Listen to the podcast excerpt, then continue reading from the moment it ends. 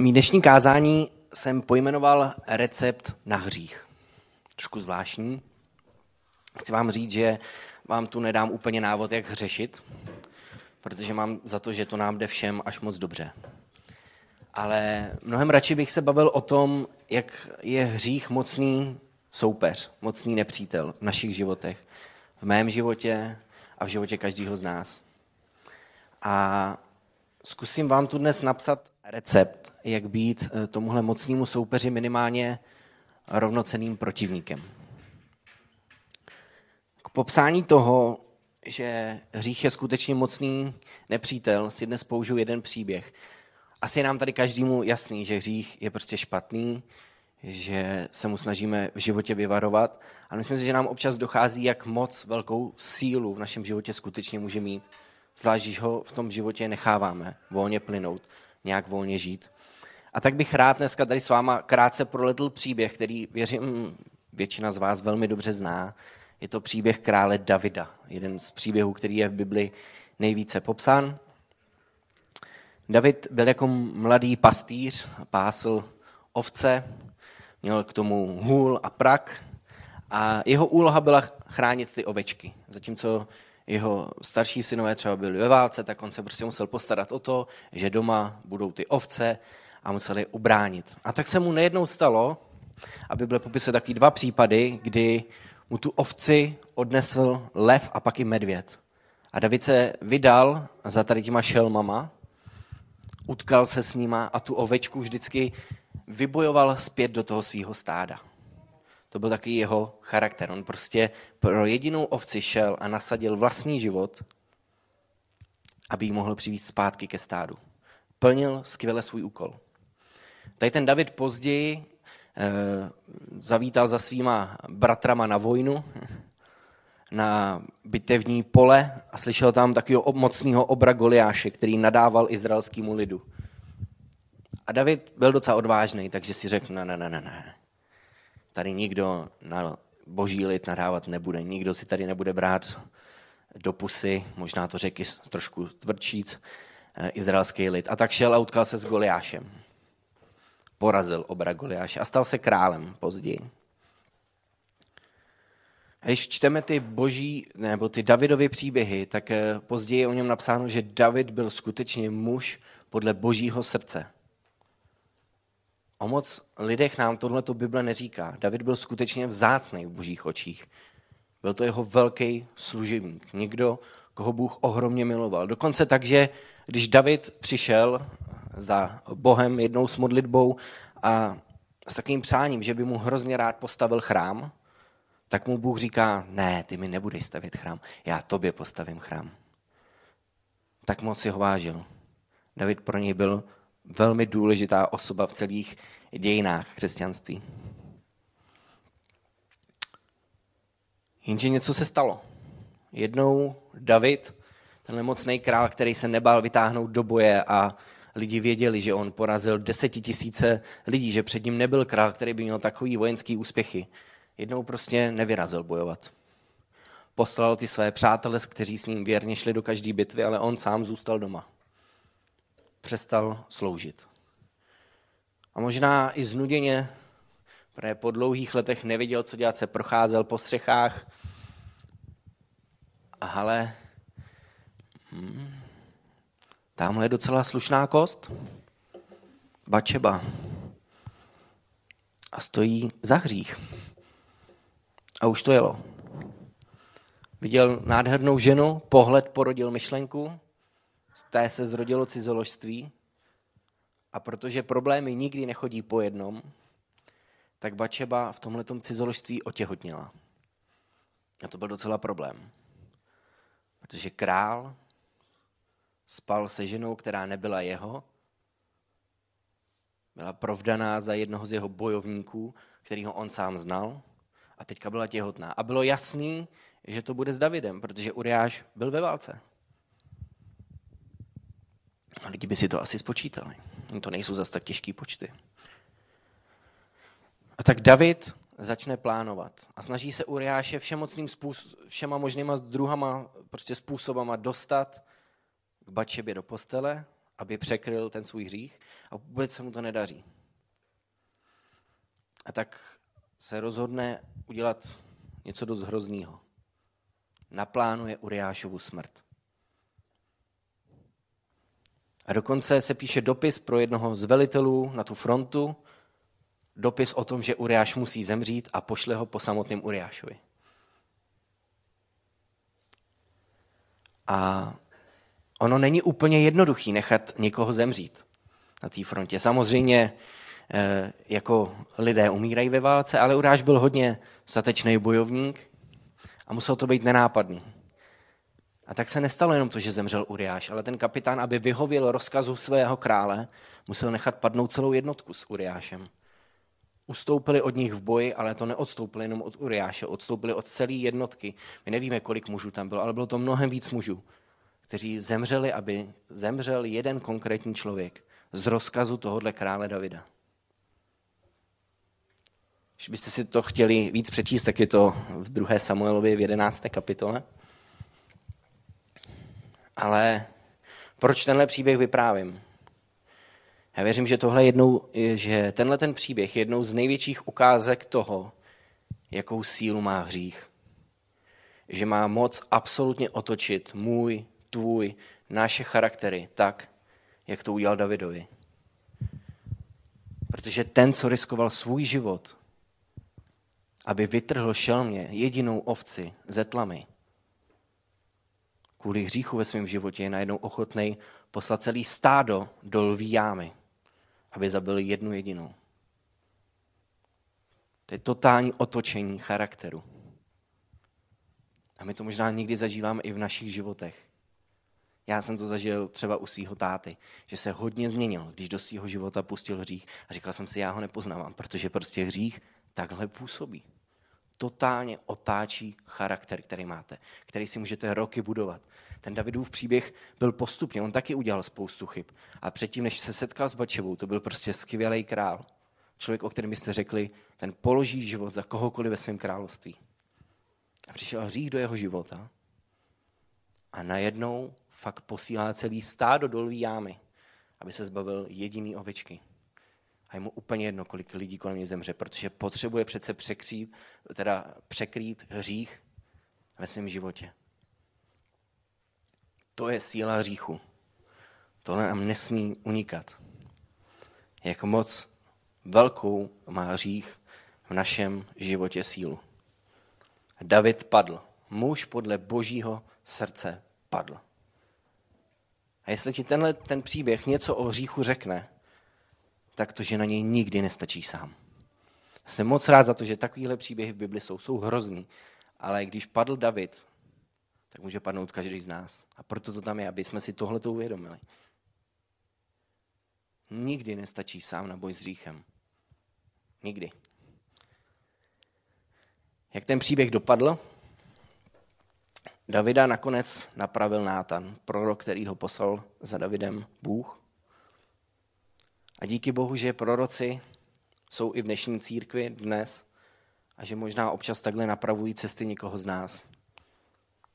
Dělají to, doufám, že to budou dělat ve skrytu, tak jako Náta. Náta nebyl povolán k tomu, aby šel a vyhlásil to na celý království, ale šel konkrétně za Davidem a tak chce ji pozbudit. Pokud někdy tady někdo na regionu prostě bude mít jasný věm, že by měl nikoho napravit, nechoďte to říkat dopředu jako svědectví, dělá se to tak, že se jde za tou osobou. I v tomhle nám tenhle příběh může být vzorem. Ale myslím si, že je dobrý těmhle okamžikům předcházet. Že je dobrý předcházet okamžikům, kdy k vám už Bůh pošle prostě proroka, protože váš charakter je totálně prostě zdemolovaný, totálně otočený.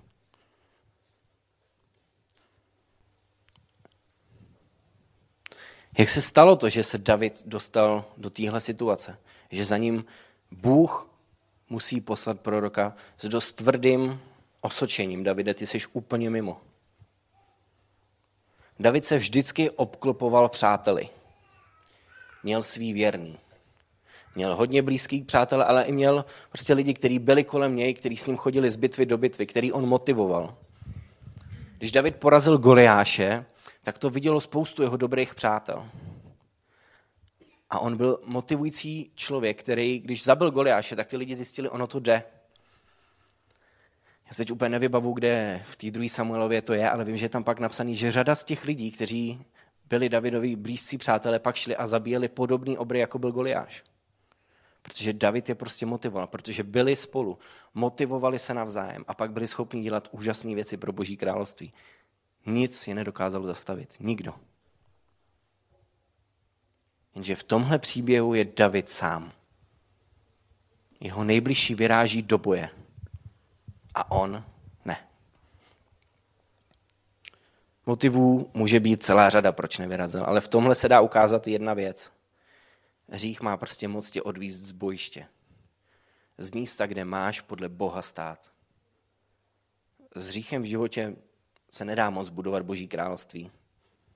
Většinou se nejprve ničí tvůj chrám a pak často tady ty lidi mají, ten, bohužel, velký potenciál ničit i Boží království jako církev. Možná ne hned, ale s vážnými hříchy to je tak, že vždycky výjdou jednou na světlo. Asi známe různé kauzy ze zahraničí, ale bohužel i z české církve, kde vychází najevo, že třeba nějaký slavný kazatel prostě cizoložil. Nebo někdo opouští svoji ženu pro jinou ženu. A stávají se i další věci. Ty věci prostě výjdou najevo a pak ničí boží království. Nejdřív ničí tebe, ale pak zničí i církev, ve který seš. Aby to bylo trochu biblický, tak bych rád přečetl pár veršů, kteří mluví o hříchu. 1. Janova 1.8. Řekneme-li, že žádný hřích nemáme, klameme sami sebe a pravda v nás není. Boj s hříchem, s tím silným soupeřem, se týká nás všech. 1. Petrova 5.8. Buďte střízliví a bděte. Váš protivník ďábel obchází jako řvoucí lev a hledá, koho by pohltil. Ďábel, ty svý svody, to, jak tě chytnout do hříchu, jak tě do něj ponořit a pořádně tě v něm vymáchat, to dělá už od, od nepaměti. Od zahrady Eden, kde začal u Evy, přes Davida, přes různý další lidi, přes Jidáše a tak dále. Dělá to dodnes. Nikdy nepřestal. Furt obchází kolem a hledá, koho by pohltil. A samozřejmě, že mnohem líp se mu pohlcou lidi, co jsou sami, než kteří jsou obklopený lidma. Židům 12.1. Proto i my, majíce kolem sebe tak veliký oblak svědků, odložme veškerou zátěž i hřích, snadno nás ovývející a s vytrvalostí běžme závod, který je před námi. Autor listu, listu židů si všímá, že hřích nás prostě snadno oví. Je to tak, že hříšní tělo má tendenci hřích přitahovat. Jsou to jako dva protipóly, prostě se to přitahuje. A když mluvím o hříchu, tak budu chvilku konkrétní, protože je třeba občas být církvi konkrétní a z nějakého velkého pojmu přejít do jednotlivosti, aby jsme si uvědomili, o čem vlastně můžeme mluvit. Hodně podkrýt to, co ten hřích je. Je spoustu věcí. Každý z nás s něčím bojuje. Tak jen z takových hříchů, ten je jasně, si jasně vyplývá i od Davida je cizoložství. Prostě, že člověk nevěrný svý ženě, svému muži. A víte, vede k tomu docela jednoduchá cesta. Přes porno. David to měl úplně stejně. Než cizoložil, tak se díval. A ono to prostě postupně takhle člověka k takovýmhle věcem dovede. Takže to může být maličkost, něco, nad čím máme tendenci mávat rukou, ale může to výst k něčemu fakt hodně zlýmu. Opíjení se, kouření, drogy, to jsou docela jasné věci. Co takový lhaní? Ať už z jakýchkoliv motivů. Lež je vždycky lež ať už si ji sebe víc obhajujeme. Manipulování ostatních. S tím taky asi možná mnozí z nás bojujete. Já s tím taky občas v životě bojuju, že si říkám, hm, teď tady toho člověka bych mohl popostrčit, on než na to přijde, to bude doba. To není správný chování. Závist. Přejeme lidem dobré věci, i ty dobré věci, které v životě mají a my ne. Nebo jim závidíme nebo nám prostě lezou na nervy. Ani tomu člověku občas nepodáme ruku, protože ty brďo, teď vyhrál v loterii. nebo má stejný auto jako já, akorát teda není třikrát ročně v servise. Pojďme k něčemu konkrétnímu, co se teď možná mnohých z vás stýká. Podvádění u daňového přiznání. Možná máme pocit jako křesťani, že když platíme desátky, tak jsou to takové rovnou odpustky pro to, aby jsme nějakou tu nulu u toho daňového přiznání seškrtli. A to dělá každý. Každý podnikatel, se kterým si dneska pokecáte víc, tak zjistíte, že nějak ten stát natahuje, protože přece stát chce natáhnout jeho. Nenechme se zlákat do toho, že i my začneme podvádět u takových konkrétních, ale dost praktických věcí. A tak dále. Každý prostě s něčím bojujeme. Takový krátký opakování o hříchu, co ten recept. Já si nemyslím, že je jen jeden univerzální, ale zmíním dneska jeden, který bych předepsal každému křesťanovi bez výjimky. Ono by pak bylo asi víc těch léků, na tom receptu je toho často mnohem víc. Židům 3, 12. až 13. verš. Hleďte, bratři, aby snad v někom z vás nebylo zlé a nevěrné srdce, takže by odpadl od živého Boha. A proto se navzájem napomínejte každý den, dokud se říká dnes, aby nikdo z vás nebyl zatvrzen klamem hříchu. Autor listu Židů, tak jako si předtím všímal, že hřích nás lehce oví, tak si všímá, že lidský srdce je v jakýkoliv fázi schopný otočit se k Bohu zády. To je ten 12. verš. Hleďte, bratři, aby snad v někom z vás nebylo zlé a nevěrné srdce, takže by odpadlo od živého Boha. V každé fázi našeho života hrozí, že se obrátíme k Bohu zády. Naše srdce to vždycky má kapacitu. Ať se s Bohem zažili cokoliv, hrozí nám to. A proto se navzájem napomínejte každý den, dokud se říká dnes, aby nikdo z vás nebyl zatvrzen klamem hříchu. Nám zároveň dává recept na to, jak to svý srdce chránit. David padl, když byl sám, my padneme, když budeme sami. Napomínejte se každý den. To není o nedělní bohoslužbě. To je o něčem mnohem intenzivnějším. O skupinkách. O blízkém obecenství. O tom, že máte v životě lidi, kteří vidí, jak žijete ve všední dny. Nejenom tady v neděli. Pravdou je, a možná se nám to nebude lehko poslouchat, a e, nechci jít vůbec proti severu, protože přístav chce dělat úplně to samé. Takový to kafování po nedělních bohoslužbách. Ono je to super. Strávíme spolu nějaký čas. Ale tohle to nevyřeší. Může být sebe lepší, sebe zajímavější, ale nezmění to fakt, že v neděli tady většina z nás sedí na rameno na rameno. Což je super, ale to je málo protože hřích nezdíl, nesídlí v našich ramenech, sídlí tady, v našich srdcích.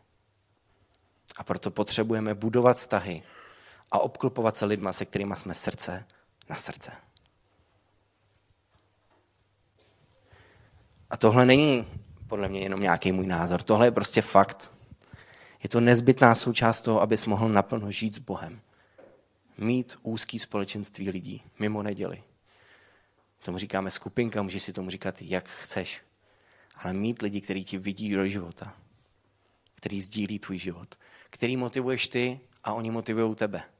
Tak jako to měl David s těma svýma přátelama. Potřebujeme mít ve svém životě lidi, kterým jsme vykazatelní a s kterými se sdílíme. A já to zažívám v posledních letech hodně intenzivně díky skupinkám, který máme díky tomu, že se obklopu lidma, který hoří. A mně se občas stane, že ten můj oheň prostě na chvilku ztrácí trochu ten žár. Jsem unavený, je to hodně, přichází různé zkoušky, stávají se různé věci, že se navzájem lidi zraní, i když to tak třeba nemyslí. Já už jsem několikrát na té skupince za někým konkrétně přišel, na té svý, a říkal jsem mu díky, že hoříš, protože teďka jsi mě poslední měsíc hrozně táhnul ty. Nebýt tebe, tak bych nebyl tak zapálený, jako jsem teď. A musím říct, že i díky takým skupinkám dneska přístav dál vzniká. Že byly momenty, kdy kdybych se neobklopoval lidma, kterými byly srdce na srdce, bych to možná vzdal. Ale prostě jsem slabý. Protože prostě naplňovat boží vůli, fakt vstát v boží vůli znamená jako tvrdý boj a sám bych v něm neustál. Jsem vděčný za tyhle lidi, jsem vděčný za lidi, kterým jsem vykazatelný, ať už jsou to starší autority, nebo ty lidi na skupince. Každý den bojuji s hříchem, každý den asi z nás, každý bojuje s hříchem. Jsou chvíle, kdy zvednu telefon a volám lidem, se kterými jsem srdce na srdce, aby se za mě modlili. Jsou chvíle, kdy jako chlap prostě vnímám, že jsem slabý prostě v nějakých otázkách. Já jsem se třeba naučil napsat nějakému blízkému kamarádovi, zítra mi zavolej a zeptej se mě, co jsem dělal dneska večer. Protože jsem prostě věděl, že potřebuju pomoc. Může to znít jako slabost, ale našel jsem si řešení, abych nepadl hříchu, ale potřeboval jsem k tomu někoho druhého. Blížím se k závěru. Máme mocného nepřítele. Prosím, opravdu ho nepodceňujte. Ale ještě mocnějšího spasitele Ježíše. Ten zlomil moc hříchu. Nabízí to každému z vás. Zve nás do výhry nad jakýmkoliv hříchem v našem životě. A co víc, on vybudoval církev, ve který na to nebudeš sám. Tak nebuď. Spolu dojdeme mnohem dál. Spolu jako region Seven dojdete mnohem dál. Spolu jako celý sbor, složený z mnoha regionů, dojdeme mnohem dál, než jako jednotlivci. Než jako jednotlivci, než jako jednotlivý regiony. Tak tě chci poprosit, najdi si prosím skupinku, jestli ji do dneška nemáš. Nezůstávej u vztahu ve svém sboru rameno na rameno. Ponoř se hlouběji do vztahu srdce na srdce. A taky víc přilni k tomuhle regionu, protože ono to tak funguje. Ještě když jsem býval v Nymburském eh, křesťanském společenství, tak jsem měl občas problém chodit v neděli do sboru, ale zjistil jsem, že mi hrozně pomáhalo to, že jsme prostě měli mládež. A ty mý lidi z té mládeže chodili v neděli a já jsem se tam těšil, protože jsem se tam viděl s těma lidma, kteří znali můj život. A uvidíš, že ti to fakt začne víc bavit, i chodit sem do sboru na neděli, protože tady budeš mít ty svý lidi, se kterými se vydáš v týdnu a najednou se s nimi budeš moct vydat i tady. A budete tady spolu moct budovat něco, co je ještě větší než skupinka, svůj region. A možná teď kolem sebe nevidíš žádnou skupinku, do které by se mohl přidat. Tak něco založ. Možná máš v hlavě spoustu teologických věcí, proč to nejde a že to musí být hrozně složitý. Není nic jednoduššího, než založit skupinku. Možná jsme uvěřili nějakým lžím, abych to tady hrozně rád prostě prolomil, protože není nic jednoduššího, než že přijdeš za dvouma, třema kamarádama a řekneš, hele, pojďme se scházet. Možná začneme jednou za měsíc, jednou za 14 dní. A věř mi, že když tohle okusíš, tak nebudeš chtít přestat. Protože uvidíš, jaký ovoce to v tvém životě nese. Na tom fakt není nic složitýho. Já vím, že sbor má vizi několika nových skupinek. Pojďme ji naplnit. Pojďme ji naplnit tady u nás na regionu. Protože ve skupinkách je skutečně skrytá síla. Nejenom síla, ale i základ našeho sboru.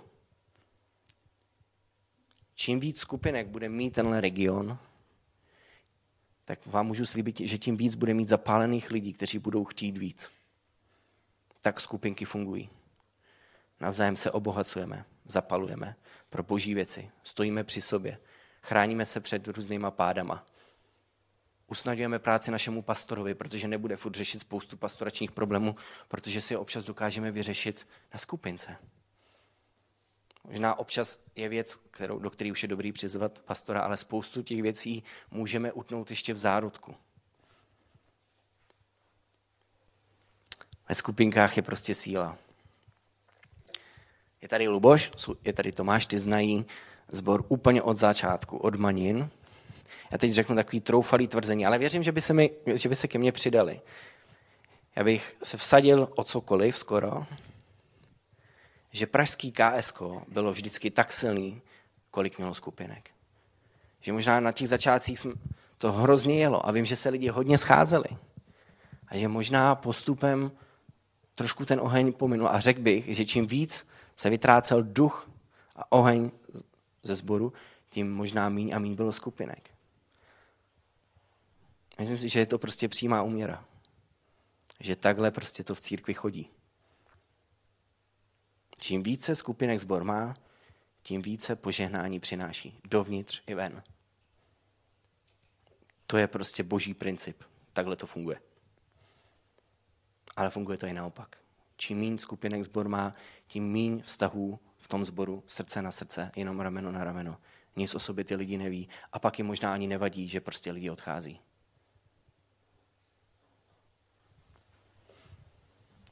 Tak to je můj recept na hřích.